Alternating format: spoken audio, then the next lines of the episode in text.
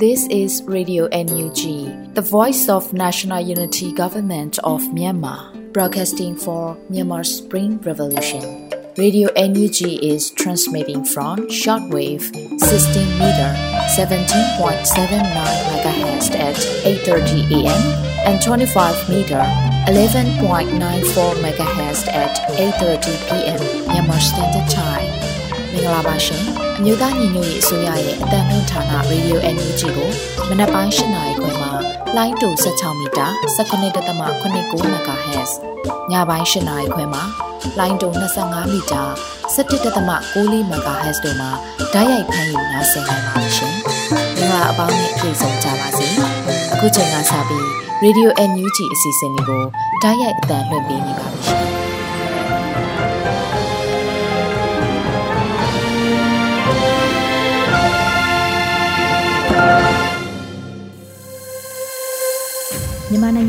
နိုင်ငံသူနိုင်ငံသားအပေါင်းတဘာဝပြီးဆရာနာရှင်ပေတို့ကနေကင်းဝေးပြီးကိုစိတ်နှပါဘေးကင်းလုံခြုံကြပါစေလို့ရေဒီယိုအန်ယူဂျီဖွယ်သားများကဆုတောင်းမြတ်တာပို့သလာရပါတယ်ရှင်။အခုချိန်ကစပြီးရေဒီယိုအန်ယူဂျီရဲ့ပြည်တွင်းသတင်းများကိုတော့အေရီမှဖတ်ကြားတင်ပြပေးပါမယ်။မင်္ဂလာပါရှင်အခုချိန်ကစပြီး Radio NUG ညပိုင်းသတင်းတွေကိုတင်ပြပေးတော့မှာဖြစ်ပါတယ်အခုတင်ပြပေးမယ့်သတင်းတွေကိုတော့ Radio NUG သတင်းတာဝန်ခံတွေနဲ့ခိုင်လုံတဲ့မိဖက်သတင်းရင်းမြစ်တွေကနေအခြေခံထားတာဖြစ်ပါတယ် ကျမကတော့ Airy ပါရှင်ပထမဆုံးအနေနဲ့စစ်အာဏာသိမ်းပြီးကလေးကစစ်တပ်ကလူပေါင်း1600ကျော်ကိုရရဆက်ဆက်တပ်ဖြတ်ခဲ့ပြီးတောင်းနဲ့ချီတဲ့ပြည်သူတွေကိုမတရားဖမ်းဆီးခဲ့တယ်လို့တအမတ်ကြီးဦးကျော်မွန်ထွန်းကုလာမှာပြောကြားလိုက်တဲ့သတင်းကိုတင်ပြပေးပါမယ်။စစ်အာဏာသိမ်းပြီးကလေးကစစ်တပ်ကလူပေါင်း1689ဦးကိုရရဆက်ဆက်တပ်ဖြတ်ခဲ့ပြီးအရေးအတွက်တောင်းနဲ့ချီတဲ့ပြည်သူတွေမှာလည်းမတရားဖမ်းဆီးခံခဲ့ရတယ်လို့မလ18ရက်နေ့မှာပြုလုပ်တဲ့ ပြင်စမအကြိမ်ဖွံ့ဖြိုးမှုအ ਨੇ ဆုံးနိုင်ငံများဆိုင်ရာကုလသမဂ္ဂညီလာခံပထမပိုင်းမှာကုလသမဂ္ဂဆိုင်ရာမြန်မာအမြဲတမ်းကိုယ်စားလှယ်တန်အမတ်ကြီးဦးကျော်မိုးထွန်းကထည့်သွင်းပြောကြားခဲ့တာပါစစ်တပ်ရဲ့ရက်ဆက်ကြမ်းကြုတ်မှုတွေနဲ့လူသားမျိုးနွယ်အပေါ်ကျူးလွန်တဲ့ရာဇဝတ်မှုတွေကြောင့်ဖြစ်ပေါ်လာတဲ့ကြောက်မက်ဖွယ်ရာဒုက္ခတွေကိုမြန်မာနိုင်ငံသားတွေကြုံတွေ့နေရပါကြောင်းဆရာနာသိမ်းပြီးကလေးကစစ်တပ်ကလူပေါင်း1689ဦးကိုရရဆက်ဆက်တပ်ဖြတ်ခဲ့ပြီးအရေးအတွက်တောင်းနဲ့ချီတဲ့ပြည်သူတွေမတရားဖမ်းဆီးခံခဲ့ရပါကြောင်း လူတချို့မှာတည်တဲ့အထိညှဉ်းပန်းနှိပ်စက်ခံခဲ့ရပါကြောင်းဆိုပါတယ်။2021ခုနှစ်ဖေဖော်ဝါရီလ1ရက်နေ့မှာ2020ရွေးကောက်ပွဲကိုအကြောင်းပြ၍နိုင်ငံတော်အာဏာကိုစစ်တပ်ကသိမ်းယူခဲ့တာပါ။တစ်ချိန်တည်းမှာပဲဆီအာနာရှင်စနစ်ချုပ်ငြိမ်းရေးဒီမိုကရေစီပြန်လည်ထူထောင်ရေးနဲ့မြန်မာနိုင်ငံမှာဗတ်စုံဖွံ့ဖြိုးတိုးတက်မှုတွေဖော်ဆောင်ရေးကြိုးပမ်းရမှာနိုင်ငံတကာအတိုင်းအဝန်အနေနဲ့ကူညီဆောင်ရွက်ပေးကြဖို့မြစ်တာရက်ခံပါကြောင်းတာမတ်ကြီးဦးကျော်မိုးထွန်းကပြောကြားခဲ့ပါတယ်ရှင်။ ဆက်လက်ပြီးဆီယာဆန် YMB PDF က MOD ကွင်းစင်းစစ်ဆေးပါကလည်းအစစ်ဆေးမေးမြန်းခံမယ်လို့ထုတ်ပြန်လိုက်တဲ့သတင်းကိုတင်ပြပေးပါမယ်။ဒေသခံတွေပေါ်ချင်းချောက်လူရဲ့တပ်ဖြတ်မှုတွေမှာပါဝင်တယ်လို့ဆွဆွဲခံထားရတဲ့ဆီယာဆန် YMB PDF အနေနဲ့ MOD ကစစ်ဆေးမေးမြန်းမယ်ဆိုရင်ခံယူသွားမယ်လို့သတင်းထုတ်ပြန်ပါတယ်။လက်နက်200ကျော်ရရှိထားတာလည်းမဟုတ်မှန်ပဲခွဲတန်းအရလက်နက်10လက်သာရရှိထားတယ်လို့ဆီယာဆန် YMB PDF ကမက်လာ18ရက်နေ့မှာရှင်းလင်းဖော်ပြပါတယ်။ ဒါအပြင်ဆီယာဆန် YMB PDF ဟာစစ်ရေးဆိုင်ရာမူပေါင်းကျင့်ဝတ်တွေနဲ့အညီဆောင်ရွက်နေပြီးတော့စစ်ကောင်စီတပ်တွေကိုတိုက်ခတ်လျက်ရှိနေတယ်လို့လည်းဖော်ပြထားပါတယ်။တခြားကာကွယ်ရေးအဖွဲ့တွေဆွဆွဲသလိုဒေသခံတွေပေါ်ချင်းချောက်လူရဲ့တပ်ဖြတ်တာမရှိဘူးလို့လည်းဆီယာဆန် YMB PDF ကတုံ့ပြန်ထားပြီးတော့အဆိုပါအကြောင်းအရာတွေနဲ့ပတ်သက်လို့ MOD ကတရားဝင်စစ်ဆေးမေးမြန်းမှုတွေလှုံ့ဆော်လာမယ်ဆိုရင်လည်းဥပေါင်းကူညီဆောင်ရွက်မယ်လို့လည်းဆိုထားပါတယ်ရှင်။ အခုတခါမြေတော်ရဲစခန်းကရဲတပ်သားတအူလက်နက်နဲ့အတူပြည်သူရင်ဝင်ခိုးလုံလာတဲ့အတွက်စုချင်းငွေကျပ်330ချင်းမြင့်ခံရတယ်ဆိုတဲ့သတင်းကိုတင်ပြပေးပါမယ်။မကွေးတိုင်းရေစကြုံမြို့နယ်မြေတော်ရဲစခန်းကရဲတပ်သားတအူလက်နက်နဲ့အတူပြည်သူရင်ဝင်ခိုးလုံလာတဲ့အတွက်စုချင်းငွေကျပ်330ချင်းမြင့်ခံရတယ်လို့မက်လာ18ရက်နေ့မှာ YSO ISA ပျောက်ကြားတပ်ဖွဲ့ကသတင်းထုတ်ပြန်ပါတယ်။ မြေတော်ရဲစခန်းကရဲတပ်သားအာကာစိန်လက်နက်နဲ့အတူမက်လာ၈ရက်နေ့မှာပြည်သူရင်ဝင်ခိုးလုံလာတဲ့အတွက်ကျွန်တော်တို့ YSO ISA ပျောက်ကြားတပ်ဖွဲ့ကစုချင်းငွေကျပ်330နဲ့အတူလွမြောက်နေမြေကိုပို့ဆောင်ပေးလိုက်ပြီးဖြစ်ပါတယ်လို့ဆိုပါတယ်။ကြန့်ရှိနေတဲ့တပ်ဖွဲ့ဝင်တွေလည်းစီရီယံပါဝင်လို့ရဆိုရင်ပြည်သူရင်ဝင်ကနှွေးထွေးစွာကြိုးဆိုသွားမှာဖြစ်ကြောင်း YSO ISA ပျောက်ကြားအဖွဲ့ကဆိုပါတယ်။စစ်ကောင်စီတပ်ဖွဲ့တွေနဲ့ရဲတွေလက်နက်နဲ့အတူစီရီယံဝင်လာမယ်ဆိုရင်လက်ခံကြိုးဆိုပေးနေကြောင်းကာကွယ်ရေးတပ်ဖွဲ့တွေကလည်းထုတ်ပြန်ထားပါတယ်ရှင်။ အခုဆက်လက်ပြီးစနိုက်ပါတပ်ဖွဲ့ပစ်ခတ်လို့စစ်ဗိုလ်အပါဝင်6ဦးသေဆုံးပြီးအလောင်းတွေကိုစစ်သုံးရဟရင်နဲ့လာတဲွားတယ်ဆိုတဲ့သတင်းကိုတင်ပြပေးပါမယ်။စနိုက်ပါတပ်ဖွဲ့ကပစ်ခတ်လို့စစ်ကောင်စီဘက်ကစစ်ဗိုလ်တအူအပါဝင်6ဦးဒီမော့ဆိုအိုကူရီရွာမှာတိတ်ဆုံးသွားတယ်လို့သတင်းရရှိပါတယ်။မလာ18ရက်နေ့ဒီမော့ဆိုမြို့နယ်အိုကူရီရွာမှာအပြစ်ကျန်းခဲ့တယ်လို့အလဲပိုင်းတိုင်းအထူးစစ်စင်ရေးစနိုက်ပါအဖွဲ့ကဆိုပါတယ်။ အဲ့ဒီနေ့နေ့လေကဒီမော့ဆိုမြို့နယ်အိုကူရီရွာမှာတက်ဆွဲထားတဲ့အကြမ်းဖက်စစ်ကောင်စီတပ်တွေကိုအလဲပိုင်းတိုင်းအထူးစစ်စင်ရေးစနိုက်ပါအဖွဲ့နဲ့ Rico PDF စနိုက်ပါအဖွဲ့တို့ပူးပေါင်းတိုက်ခိုက်ခဲ့ရမှာစစ်ခွေး6ဦးသေဆုံးခဲ့တယ်လို့ဆိုထားပါတယ်။စနိုက်ပါအဖွဲ့ရဲ့ပစ်ခတ်မှုကြောင့်တိတ်ဆုံးသွားတဲ့စစ်ခွေး6ဦးမှာအရာရှိတဦးပါဝင်ပြီးမကြခင်မှာပဲအလောင်းကိုရဟတ်ရင်နဲ့လာရောက်တည်ဆောင်သွားတယ်လို့သိရှိရပါတယ်ရှင်။ ပကုတ်ကူမြို့၃ရက်ကွက်မှာရှိတဲ့မိုင်တယ်ယုံလက်ပစ်ပုံနဲ့အပစ်ခံရတယ်ဆိုတဲ့သတင်းကိုလည်းတင်ပြပေးပါအောင်မယ်။ပခုတ်ကူမြို့၃ရက်ကွက်မှာရှိတဲ့မိုင်တယ်ယုံလက်ပစ်ပုံနဲ့အပစ်ခံရတယ်လို့သတင်းရရှိပါတယ်။မလ19ရက်နေ့ညနေ4နာရီအချိန်မှာပခုတ်ကူမြို့3ရက်ကွက်မှာရှိတဲ့ဓာငယ်ကွင်း9လမ်းမှာမိုင်းတဲရုံကိုလက်ပစ်ပုံးနဲ့ပစ်ခတ်သတိပေးခဲ့တယ်လို့ PKU and PDF ကဆိုပါတယ် စစ်ကောင်စီရဲ့စီးပွားရေးတောက်တိုင်ဖြစ်တဲ့မိုင်းတဲရုံကိုလက်ပစ်ပုံးနဲ့ဖောက်ခွဲပြီးကျွန်တော်တို့ PKU and PDF နဲ့ပူးပေါင်းမဟာမိတ်အဖွဲ့ Southern YSO PDF တို့ကနေပစ်ခတ်သတိပေးလိုက်ပါတယ်လို့ဆိုပါတယ်အဆိုပါမိုင်းတဲရုံကိုကာကွယ်ရေးတပ်တွေစောင့်ကြည့်နေခဲ့ပြီးရုံးပိတ်ခြင်းမရှိတဲ့အပြင်ဝန်ထမ်းတွေမှာလည်းအလုံးဆက်လက်လုပ်ကိုင်နေတာကြောင့်သတိပေးဖောက်ခွဲခဲ့တာဖြစ်တယ်လို့သိရပါတယ်။အဆိုပါဖောက်ခွဲမှုဟာပထမဆုံးနဲ့နောက်ဆုံးအနေနဲ့သတိပေးခြင်းသာဖြစ်ပါတယ်။ဒီပေးထားတဲ့ကြားကနေဆက်လက်လှုပ်ဆောင်နေမယ်ဆိုရင်ကျွန်တော်တို့အဖွဲ့အနေနဲ့တက်ညာနေမှာမဟုတ်တော့ပါဘူးလို့ PKU NPDF ကဆိုပါတယ်ရှင်။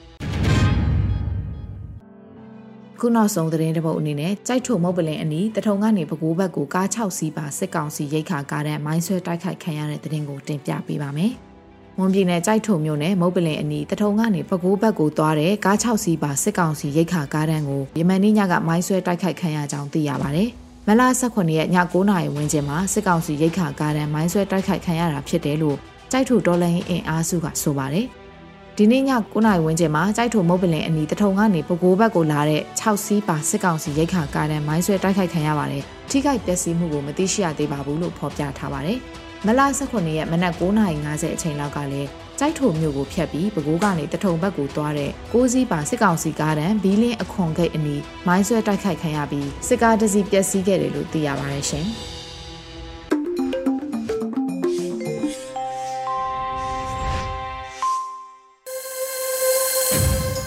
ပြည်တွင်းသတင်းများကိုနားဆင်ကြကြရတာဖြစ်ပါတယ်။အခုဆက်လက်ပြီးအမျိုးသားဒီမိုကရေစီအဖွဲ့ချုပ်ဗဟိုအလုပ်ကော်မတီရဲ့နှစ်မြင်းဆောင်2022ထုတ်ပြန်ချက်ကိုမျိုးဦးမှမှဖတ်ကြားတင်ပြပေးပါမယ်ရှင်။အမျိုးသားဒီမိုကရေစီအဖွဲ့ချုပ်ဗဟိုအလုပ်ကော်မတီမှ2022ခုနှစ်မတ်လ18ရက်နေ့နေ့စွဲဖြင့်သတင်းထုတ်ပြန်ချက်အမှတ်နှစ်မြင်းဆောင်2022ကိုထုတ်ပြန်ကြေညာလိုက်ပါတယ်။အဲ့ဒီထုတ်ပြန်ချက်မှာဖော်ပြထားတာကတော့1 2021ခုနှစ်ဖေဖော်ဝါရီလ1ရက်နေ့တွင်ဗိုလ်ချုပ်မူကြီးမင်းအောင်လှိုင်ဦးဆောင်သောစစ်ကောင်းဆောင်တစုသည်နိုင်ငံတော်အာဏာကိုလက်နက်အားကိုဖြင့်မတရားအကြမ်းဖက်သိမ်းယူပြီးတရားဝင်ရွေးကောက်ခံအစိုးရ၏နိုင်ငံတော်သမ္မတနိုင်ငံတော်၏အတိုင်းအမြံပုဂ္ဂိုလ်အပါအဝင်အစိုးရအဖွဲ့ဝင်ဝန်ကြီးများအနိုင်ရပါတီအမျိုးသားဒီမိုကရေစီအဖွဲ့ချုပ်ခေါင်းဆောင်များတန်ဃာတော်များစာပေနှင့်အမှုပညာရှင်များ နိုင်ငံရေးတက်ကြွလှုပ်ရှားသူများနဲ့2020ခုနှစ်ရွေးကောက်ပွဲအနိုင်ရလွှတ်တော်ကိုယ်စားလှယ်များကိုမတရားဖမ်းဆီးထိန်းသိမ်းခဲ့ပါသည်။နှစ်အမျိုးသားဒီမိုကရေစီအဖွဲ့ချုပ်လူအခွင့်အရေးချိုးဖောက်မှုများမှမှတ်တမ်းကောက်ယူရေးအဖွဲ့ကပြုစုထားသောစာရင်းများအရ2021ခုနှစ်ဖေဖော်ဝါရီလ1ရက်နေ့မှစတင်၍2022ခုနှစ်မတ်လ14ရက်နေ့အထိနိုင်ငံတော်ဝန်လုံး၌မတရားဖမ်းဆီးခံရသူ13000ခန့်ရှိသည့်အနက် အမျိုးသားဒီမိုကရေစီအဖွဲ့ချုပ်ပါတီဝင်832ဦးပါရှိပြီးပြန်လည်လွတ်မြောက်လာသူ182ဦးရှိပါသည်။မတရားပုံမှန်များအထက်ထက်ဆင့်ကဆွဲဆိုခံရသောအမျိုးသားဒီမိုကရေစီအဖွဲ့ချုပ်ပါတီဥက္ကဋ္ဌနိုင်ငံတော်၏အတိုင်ပင်ခံပုဂ္ဂိုလ်ဒေါ်အောင်ဆန်းစုကြည်ပါတီဒုတိယဥက္ကဋ္ဌများဖြစ်ကြသောနိုင်ငံတော်သမ္မတဦးဝင်းမြင့်မန္တလေးတိုင်းဝန်ကြီးချုပ်ဒေါက်တာဇော်မြင့်မောင်အပါအဝင်645ဦးမှာဖမ်းဆီးထိန်းသိမ်းခံထားရဆဲဖြစ်ပါသည်။ မတရားဖမ်းဆီးထိန်းသိမ်းခံရသူများတဲ့တွင်လွတ်တော်ကိုယ်စားလှယ်109ဦးပါဝင်ပြီး၎င်းတို့အနက်ပြန်လည်လွတ်မြောက်လာသူ14ဦးရှိကာကျန်လွတ်တော်ကိုယ်စားလှယ်92ဦးမှာဖမ်းဆီးထိန်းသိမ်းခံထားရဆဲဖြစ်ပါသည်မတရားဖမ်းဆီးထိန်းသိမ်းခံရစဉ်အတွင်းစစ်ကြောရေးကာလညှဉ်းပန်းနှိပ်စက်တပ်ဖြတ်မှုနဲ့အကျဉ်းထောင်တွင်ကျန်းမာရေးစောင့်ရှောက်မှုမလုံလောက်သဖြင့်လွတ်တော်ကိုယ်စားလှယ်တဦးအပါအဝင်စုစုပေါင်း16ဦးကွဲလွန်ခဲ့ပါသည်3 အကြမ်းဖက်စစ်အာဏာသိမ်းသည့်နေ့မှစတင်ကအမျိုးသားဒီမိုကရေစီအဖွဲ့ချုပ်ရုံးများကိုဥပဒေမဲ့ကျူးကျော်ဝင်ရောက်အကြမ်းဖက်ဖောက်ခွဲဖျက်ဆီးမှုများဇက်တိုက်ကျူးလွန်ခဲ့ပါသည်ရန်ကုန်မြို့ပါတီဗဟိုဌာနချုပ်ရုံးအပါအဝင်တိုင်းနယ်ပြည်နယ်များရှိတိုင်းခရိုင်မြို့နယ်ရက်ကျေးပါတီရုံးများကိုစုစုပေါင်း68ကြိမ်ကျူးကျော်ဝင်ရောက်အကြမ်းဖက်ဖောက်ခွဲမီးရှို့ဖျက်ဆီးမှုများရှိခဲ့ပါသည် ထို့သောကျူးကျော်ဖျက်ဆီးခံရသည့်အချိန်များသည်စက်ကောင်စီကပုံမှန်144ထုတ်ပြန်ထားချိန်များတွင်အများဆုံးဖြစ်ပွားခဲ့ပါသည်ထို့အပြင်အမျိုးသားဒီမိုကရေစီအဖွဲ့ချုပ်၏အစင်းစင်သောအမှုဆောင်များပါတီဝင်များလွှတ်တော်ကိုယ်စားလှယ်များ၏နေအိမ်နှင့်အဆောက်အဦများအားဥပဒေမဲ့အကြမ်းဖက်ဝင်ရောက်၍ပစ္စည်းများတည်ယူသွားခြင်းဖျက်ဆီးခြင်းများကျူးလွန်ခဲ့ကြပါသည် အကြောင်းမျိုးမျိုးပြ၍ပုံမှန်905နှင့်အခြားပုံမှန်များတက်ကတရားစွဲဆိုထားစဉ်တပ်ဆိုင်ရာတရားရုံးများကအပိသက်ဆုံးဖြတ်ချက်များမချနိုင်သေးသည့်အတွက်နေအိမ်နှင့်အခြားပိုင်ဆိုင်မှုများကိုမတရားချိတ်ပိတ်ဆောင်ရွက်လျက်ရှိပါသည်ရရှိထားသောစာရင်းများအရလွတ်တော်ကိုယ်စားလှယ်93ဦးအပါအဝင်စုစုပေါင်းပါတီဝင်155ဦးရဲ့နေအိမ်များနဲ့အခြားပိုင်ဆိုင်မှုများချိတ်ပိတ်ခံခဲ့ရပြီးဖြစ်ပါတယ်။ထို့အပြင်ပါတီဝင်မဟုတ်သော ပြည်သူများရဲ့နေအိမ်အဆောက်အဦများချိတ်ပိတ်ခံရမှုမှာ135ချိန်ရှိပြီဖြစ်ပါတယ်။၄2020ခုနှစ်ရွေးကောက်ပွဲတွင်မဲဆန္ဒရှင်ပြည်သူတို့တရားဝင်ရွေးချယ်တင်မြှောက်မှုဖြင့်အတီးဖြစ်ပြီးသောရွေးကောက်ပွဲရလဒ်ကိုပယ်ဖျက်ရန်စ조사နေခြင်းတီစဲအရက်သားအစိုးရကိုပါအတ္တမဖန်စီအာဏာသိမ်းယူလိုက်ခြင်းကိုလက်မခံနိုင်သောကြောင့်ပြည်သူလူထုတရက်လုံးသည်အာဏာသိမ်းစစ်ကောင်စီကိုငြိမ်းချမ်းစွာဆန္ဒပြကန့်ကွက်ခဲ့ကြပါသည်။ တို့ရာတွင်အကြမ်းဖက်စစ်ကောင်စီသည်ငြိမ်းချမ်းစွာဆန္ဒပြသူများကိုအထမဖမ်းဆီးခြင်းလူမဆန်စွာရဲရဲဆက်ဆက်ဖိနှိပ်အကြမ်းဖက်ချိန်မုံခြင်းတို့ကိုကျူးလွန်ခဲ့သောကြောင့်နိုင်ငံတော်ဝန်သေဆုံးသူစုစုပေါင်း2123ဦးရှိပြီဖြစ်ပါသည်အထက်ဖော်ပြပါလူခွင့်ရေးချိုးဖောက်ခံရမှုစည်ရင်းများသည်အမျိုးသားဒီမိုကရေစီအဖွဲ့ချုပ်လူအခွင့်အရေးချိုးဖောက်ခံရမှုများမှတ်တမ်းကောက်ယူရေးအဖွဲ့ကကောက်ယူရရှိထားသောစည်ရင်းများသာဖြစ်ပြီးပဂတိမြေပြင်တွင်ယခုထပ်ပုံမနိုင်ပါသည်။ ဗဟိုအလုတ်ကော်မတီအမျိုးသားဒီမိုကရေစီအဖွဲ့ချုပ်ဟူ၍ဖြစ်ပါသည်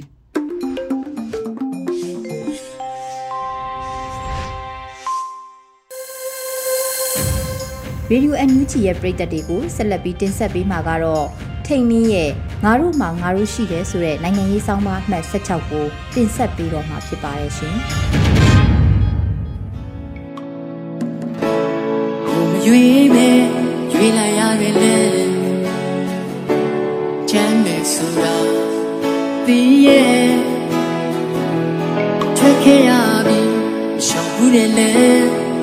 လွယ်တွေဘဝချလို့စားခဲ့ရပြီငါတို့မှာငါတို့ရှိတယ်ဆောင်းမအမှတ်16ဖြစ်ပါတယ်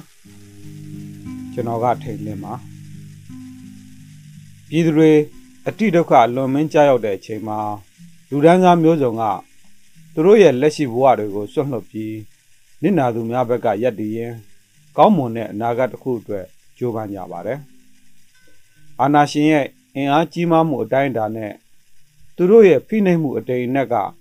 သက်ဆိုင်ရာခေတ်ကာလရဲ့ပြည်သူလူထုခံစားရတဲ့ဒုက္ခတွေဖြစ်ပါတယ်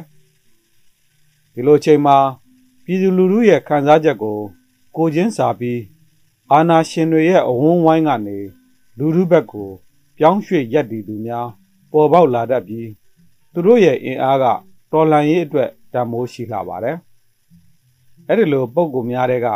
လေးစားစရာလူတစ်ယောက်ကြောင်းပြောပြကြပါတယ်။မြမပြည်စစ်အာဏာရှင်စနစ်ကိုစတင်ရောက်ရှိခြင်းဟာ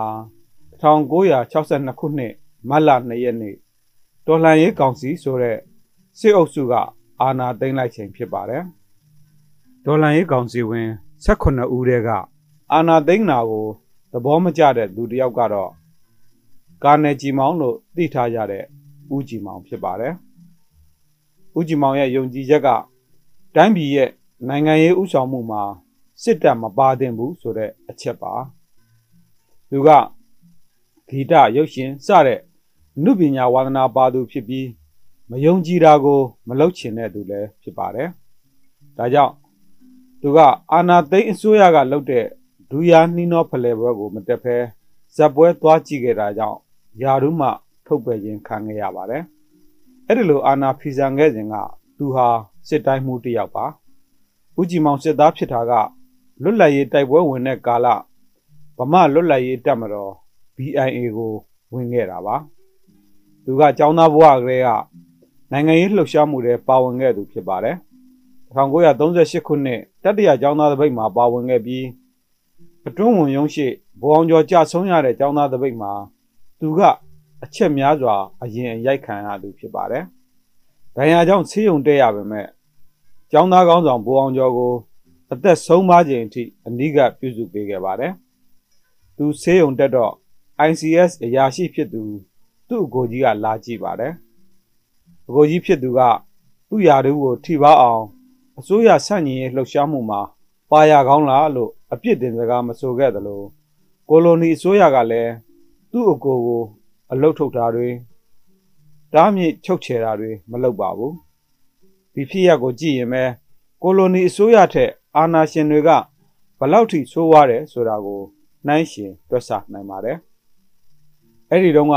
တစ်ချက်တည်းဂျက်ကောင်းကိုအရိုက်ခံရတဲ့ဘူအောင်ကျော်ကကြာဆုံးရပြီး အချက်များစွာအရိုက်ခံခဲ့ရတဲ့ဦးကြည်မောင်ကအသက်မသေးခဲ့တော့တငယ်ရင်းတွေကခံရတော့ကြည်မောင်သူရဲကောင်းဖြစ်သွားတာကအောင်ကျော်လို့ပြောလို့ရှိတဲ့အကြောင်းဒေါအောင်ဆန်းစုကြည်က1995ခုနှစ်နှစ်လယ်ပိုင်းချန်ရှိလူထုတွေ့ဆုံပွဲတစ်ခုမှာပြောဆိုခဲ့ပါတယ်။မြို့သားဒီမိုကရေစီအဖွဲ့ချုပ်ရဲ့ဒုဥက္ကဋ္ဌအဖြစ်တာဝန်ထမ်းဆောင်ခဲ့တဲ့ဦးကြည်မောင်ဟာစစ်အာဏာရှင်များရဲ့လက်အောက်မှာလေးချိန်ဖမ်းဆီးအကျဉ်းချခြင်းခံခဲ့ရပါတယ်။ ဟောင်ကောင်ခြေစိုက် Asia Week Magazine မှာဖော်ပြခဲ့တဲ့သူ့ရဲ့အင်တာဗျူးကြောင့်စစ်ထောက်လှမ်းရေးခေါင်းဆောင်ဘိုခင်ညွတ်မခံမရနိုင်ဖြစ်ပြီးသတင်းစာရှင်းလင်းပွဲကနေဒေါသတကြီးစိန်ခေါ်ခဲ့တဲ့အထိဖြစ်ခဲ့ရပါတယ်။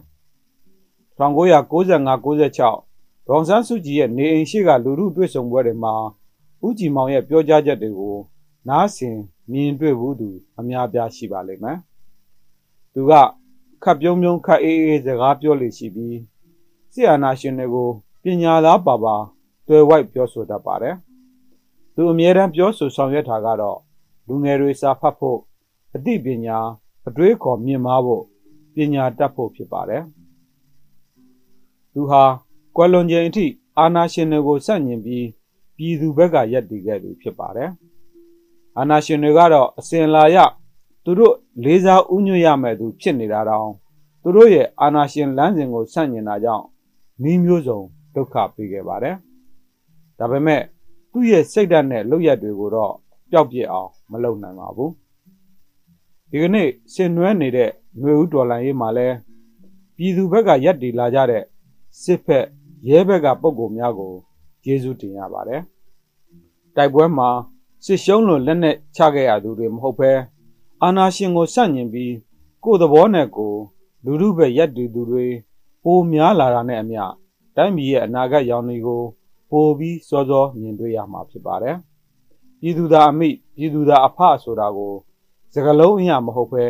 တကယ်လိုက်နာကျင့်သုံးသူတွေများတဲ့များလာဖို့လဲဆန္ဒပြုလိုက်ပါတယ်။မြမပြည်သူများခင်ဗျာအခက်အခဲတွေကြုံနေရပေမဲ့အားငယ်ဖို့မလိုပါဘူး။ ငါတို့မှာငါတို့ရှိပါတယ်။ကျေးဇူးတင်ပါတယ်။အနုထဲကိုင်းတဲ့လက်တွေကိုအရိုင်းမြေမှာအချင်းတွေကိုင်းစေရင်ခီးပြီး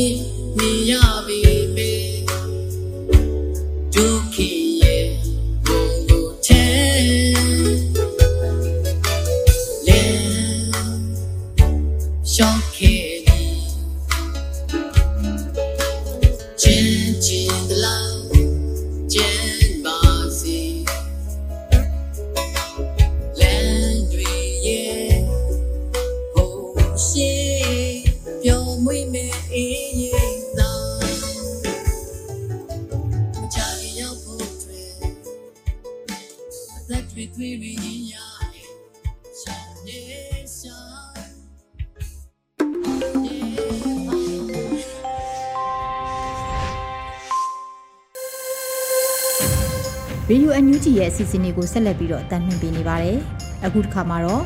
ရင်းမပင်ကအရက်သားနဲ့ PDF တပ်ဖြတ်ခံရမှုလျှက်စစ်မီပြတ်တောက်မှုကြရက်လူမှုဒုက္ခဆိုတဲ့မုံမခဆောင်းပါးကိုတော့ငွေဦးမှုမှဖတ်ကြားတင်ပြပေးပါမယ်ရှင်။ရင်းမပင်ကအရက်သားနဲ့ PDF တပ်ဖြတ်ခံရမှုလျှက်စစ်မီးပြတ်တောက်မှုကြရက်လူမှုဒုက္ခဒီနေ့သတင်းတွေတဲ့စကိုင်းတိုင်းရင်းမပင်မြို့နယ်က တပြေးအေးရွာအခြေဆိုင်ပြည်သူ့ကာကွယ်ရေးတပ်ဖွဲ့ကပြီးခဲ့တဲ့နှစ်ကုန်ပိုင်းမှာ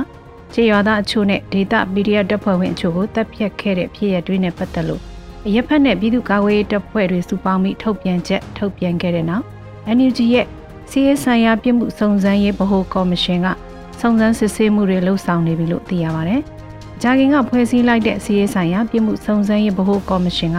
စုံစမ်းစစ်ဆေးရေးလှုပ်ဆောင်နေဆဲဖြစ်လို့ဒီဖြစ်ရမှာအပြစ်ရှိတယ်မရှိဘူးဆိုတာ ကြိုတင်ကောက်ချက်မချလို့ပေမဲ့ပြီးခဲ့တဲ့နှစ်အောက်တိုဘာလနဲ့နိုဝင်ဘာလတွေမှာဗိုလ်သမဏိဦးဆောင်တဲ့ရင်းမပင် PDF တပ်ဖွဲ့တွေကဒေသခံကြေးရွာသားနဲ့အခြားအဖွဲ့မတူတဲ့ PDF အဖွဲ့ဝင်အချို့ကိုတပ်ဖြတ်ခဲ့တဲ့ဆိုတဲ့သတင်းတွေစကိုင်းတိုင်းတွေက PDF အဖွဲ့ဝင်အချို့ကပြောပြလို့သိခဲ့ရပြီးဖြစ်ပါတယ်။အဲ့ဒီချိန်ကလေးကဒေသခံတွေနဲ့ PDF အချို့ NUG အစိုးရကိုအတိပေးကအသက်မဆုံးရှုံးအောင်ကြားပြတားမြစ်ပေးဖို့အကူအညီတောင်းခဲ့ကြတယ်လို့လည်းဒေသခံ PDF နဲ့နှီးဆက်သူတွေကဆိုပါတယ်။ ဒီလိုဖြစ်ပျက်တွေကလက်နက်ကိုင်းတပ်ဖွဲ့တွေအသီးသီးပေါ်ထွက်လာပြီးတဲ့အခါအမိတ်တစ်ခုတည်းအောက်မှာမဟုတ်တဲ့အခါနိုင်ငံရေးရလမ်းညွှန်မှုနဲ့နိုင်ငံရေးအရာစီယုံပညာပေးမှုအားနည်းတဲ့အခါစီးရဲဆိုင်ရာစီမင်းစည်းကမ်းတွေအသေးစိတ်ထုတ်ပြန်ပြီးလိုက်နာဖို့မချစ်မှတ်နိုင်တဲ့အခါမျိုးမှာဖြစ်ပွားနိုင်ပါတယ်။ဒီလိုဖြစ်ရမျိုးမဖြစ်ပေါ်အောင်ကြိုတင်ကာကွယ်တဲ့စီအမတ်ညွှန်ကြားမှုတွေကစောဝိုင်းကလေးကလိုအပ်မှာဖြစ်ပြီးခုလိုဖြစ်ပျက်တဲ့အခါမှာတော့တိကျပြတ်သားတဲ့ရေးယူမှုနဲ့ နောက်နောက်မပေါ်ပေါအောင်လှုံ့ဆော်ဖို့လိုအပ်မှာဖြစ်ပါတယ်။အခုပေါ်ထွက်လာတဲ့ပြည်မှုစုံစမ်းရေးဗဟိုကော်မရှင်ဟာပြီးခဲ့တဲ့သတင်းနှစ်ပတ်ဝန်းကျင်က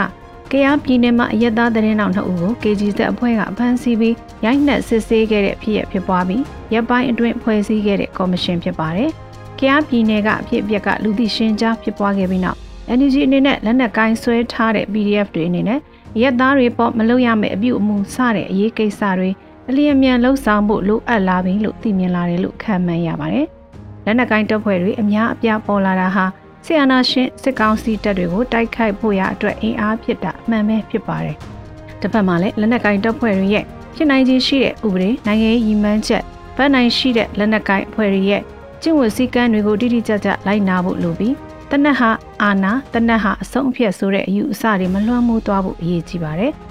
ချုပ်ပြောရရင်တော့အခုဖြစ်ရကနေသင်ခန်းစာယူစရာအများအပြားရှိတယ်လို့ယူဆမိပါတယ်။ဘာတွေအရေးတကြီးလုပ်ဖို့လိုနေပြီလဲဆိုတာကိုနှိုးဆော်လိုက်တယ်လို့ဖြစ်စီပြီးလက်နက်ကိုင်းတပ်ဖွဲ့တွေအနေနဲ့ change of command မပြောက်ဖို့အရေးကြီးတယ်ဆိုတဲ့သင်ခန်းစာလဲရစေလိမ့်မယ်လို့ထင်မြင်မိပါတယ်။ဥပဒေမဲ့တပ်ဖြတ်ခြင်း extrajudicial killing ဆိုတာဟာလက်နက်ကိုင်းတပ်ဖွဲ့ချင်းသတိပြုတဲ့အရာဖြစ်ပြီးစစ်ပွဲတွေပျောက်ကြားလှုပ်ရှားမှုတွေလက်နက်ကိုင်းပုံကံမှုတွေမှကျုံတွေ့ရနိုင်တဲ့အခြေအနေတရလည်းဖြစ်နေတာကြောင့်ဖြစ်ပါတယ်။ ဥပဒေမဲ့တပ်ဖြတ်မှုတွေအကြောင်းအပြီးမှာတော့မြန်မာနိုင်ငံရဲ့စီးပွားရေးလူမှုရေးပညာရေးတွေကိုကြီးကြီးမားမားတက်ရောက်မှုရှိနေတဲ့လျှက်စစ်ဓာတ်အားပြတ်တောက်မှုဖြစ်ပါတယ်။ခုလပိုင်းမှာလျှက်စစ်ဓာတ်အားထုတ်လုပ်မှုရော့ကျလာနေပြီးရန်ကုန်မြို့မှာဆိုရင်တရက်မီလာချိန်အများဆုံးရတဲ့မြို့နယ်က14နာရီလောက်ရှိပြီးအနည်းဆုံးမြို့နယ်က4နာရီ5နာရီသာရှိတယ်လို့ဆိုပါတယ်။ဒီထက်ဆိုတာကနေမြို့တွေနဲ့အချို့သောခြေရွာတွေဖြစ်ပါတယ်။ပြီးခဲ့တဲ့ဆယ်စုနှစ်မှာလျှက်စစ်မီရရှိအတွက်ကမ္ဘာ့ဘဏ်အကူအညီရော ကိုထုကိုထသွဲတန်းခဲ့ကြတဲ့ခြေရွာတွေအနေနဲ့ခုလိုအခြေအနေမျိုးမှာနောက်ဆုံးဦးစားပေးလျှက်စစ်မီရတဲ့အနေအထားမျိုးဖြစ်လာပါတယ်။အရင်လျှက်စင်မိမှန်နေတဲ့ခြေလက်တွေခုခါရက်နဲ့ချီလျှက်စင်မိလုံးဝမရတာမျိုးလည်းဖြစ်နေပြီ။သတင်းတွေထဲမှာတော့ရန်ကုန်မှာလျှက်စင်မိပြတ်တာလောက်ဖော်ပြတာမတွေ့ကြရပါဘူး။ရန်ကုန်မြို့မန္တလေးမြို့တို့မှာလျှက်စင်မိပြတ်တာကတော့တက်ရောက်မှုလူဦးရေများတာစီးပွားရေးလုပ်ငန်းတွေအပေါ်တက်ရောက်မှုတွေရှိတာကြောင့် သတင်းတွေမှာပိုဖက်ရကြားရပေမဲ့နယ်မြို့တွေခြေရွာတွေကလျှက်စင်မိရရှိတာပိုနှဲပါကြတာဖြစ်ပါတယ်။စီမံခန့်ခွဲမှုညံဖြင်းခြင်းကမ္ဘာရင်းနှံစည်းကရက်တိုင်းပြည်နိုင်ငံရေးမတည်ငြိမ်တာရဲ့အကျိုးဆက်ငွေတန်မိုးကြာဆင်းခြင်းတွေအလုံးကလျှက်စစ်မိရရှိနိုင်မှုမှာအကျိုးသက်ရောက်တာဖြစ်ပါတယ်။ထပ်ဆင့်အကျိုးဆက်ကစီးပွားရေးလုပ်ငန်းတွေကိုထပ်မံထိခိုက်စေပြီးအလောက်ကိုင်းခွင်းလန်းတွေဆုံးရှုံးတာတွေထပ်မံအကျိုးဆက်ဖြစ်ပေါ်လာစေပါတယ်။စက်မှုဆုံးလက်ခစားလုပ်ငန်းအမျိုးအစားဖြစ်တဲ့အထည်ချုပ်လုပ်ငန်းတွေ လဲပတ်ဖို့မလွယ်ကူတဲ့အနေအထားဖြစ်လာနေတာကြောင့်အလောက်ကိုင်းဆုံးရှုံးရတဲ့သူတွေဆက်လက်များပြားလာပြီးအိန္ဒိယနိုင်ငံမှာပြောင်းရွှေ့လုပ်သားအဖြစ်တရားမဝင်လမ်းကြောင်းကနေသွားရောက်တာတွေတိုးပွားလာနိုင်ခြင်းလည်းရှိနေပါတယ်။လျှက်စစ်မီးပြတ်တောက်မှုကစီးပွားရေးအပေါ်တက်ရောက်မှုအပြင်ပညာရေးကျန်းမာရေးလူမှုရေးတွေအထွေအကျိုးဆက်တွေရှိနေပြီးအွန်လိုင်းပညာသင်ကြားမှုတွေကိုအခုကထိခိုက်မှုရှိနေပြီဖြစ်တာကြားသိနေရပါပြီ။လျှက်စစ်မီးပြဿနာဟာခေတ်အဆက်ဆက်ဖြေရှင်းလာရတဲ့ပြဿနာဖြစ်ပြီး ပြီးခဲ့တဲ့10နှစ်ဝန်းကျင်အတွင်းအတော်လေးတိုးတက်ကောင်းမွန်လာရကနေခုဆီယနာသိမ့်မှုအပြီးမှာတော့အရင်ခေတ်အခြေအနေမျိုးပြန်ရောက်သွားပြီလို့လူအများကခံစားနေကြရပြီဖြစ်ပါတယ်ရှင်။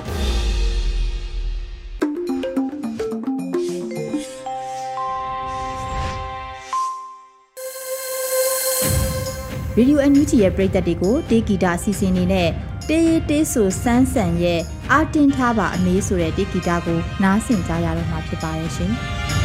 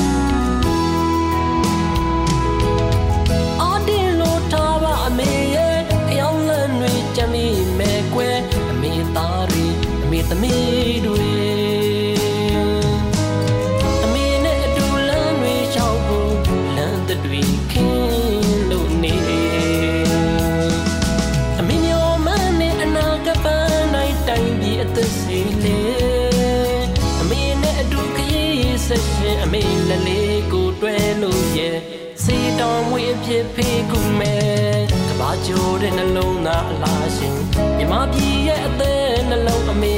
ကြီးမားတဲ့မြတ်တာရှင်အမေအသက်ရာကြောရှိဖို့တောင်းစုရွှေ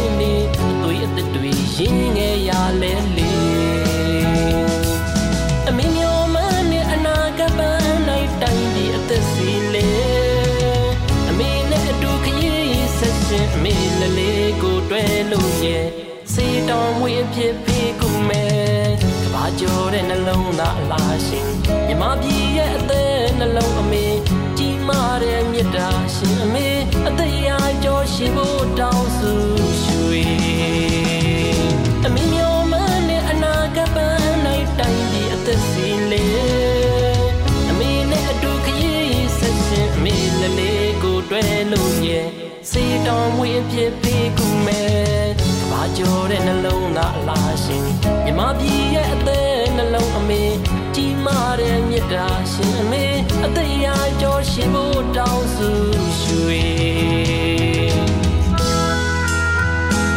အမေအတင်းထားပါလို့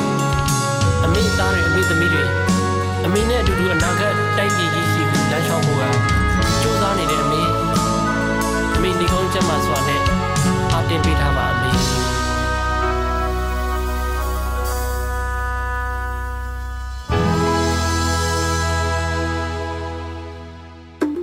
ဒီကနေ့ကတော့ဒီညနဲ့ပဲ Radio NUG ရဲ့အစီအစဉ်လေးကိုခਿੱတရနာလိုက်ပါမယ်ရှင်။မြမစံတော်ချိန်မနက်၈နာရီခွဲနဲ့ည၈နာရီခွဲအချိန်တွေမှာပြန်လည်ဆုံတွေ့ကြပါစို့။ Radio NUG ကိုမနက်ပိုင်း၈နာရီခွဲမှာလိုင်းတူ16မီတာ19.89 MHz ညပိုင်း၈နာရီခွဲမှာလိုင်းတူ25မီတာ17.6 MHz တို့မှာဓာတ်ရိုက်ဖမ်းလို့နိုင်စေနိုင်ပါပြီ။ မြန်မာနိုင်ငံသူနိုင်ငံသားတွေကိုစိတ်နှပြကျန်းမာချမ်းသာလို့ဘေးကင်းလုံခြုံကြပါစေလို့ Radio NUG အဖွဲ့သူဖွဲ့သားတွေကဆုတောင်းမေတ္တာပို့တာနေပါတယ်ရှင်။မြေသားညီမတွေအစိုးရရဲ့စက်တော်ရင်သတင်းအချက်အလက်တွေလူပညာဝန်ကြီးဌာနကထုတ်လွှင့်နေတဲ့ Radio NUG ဖြစ်ပါတယ်။ San Francisco Bay Area အခြေစိုက်မြန်မာမိသားစုတွေနဲ့နိုင်ငံတကာကစေတနာရှင်တို့အားပေးနေတဲ့ရေဒီယို NUG ဖြစ်ပါတယ်။အရေးတော်ပုံအောင်ရမည်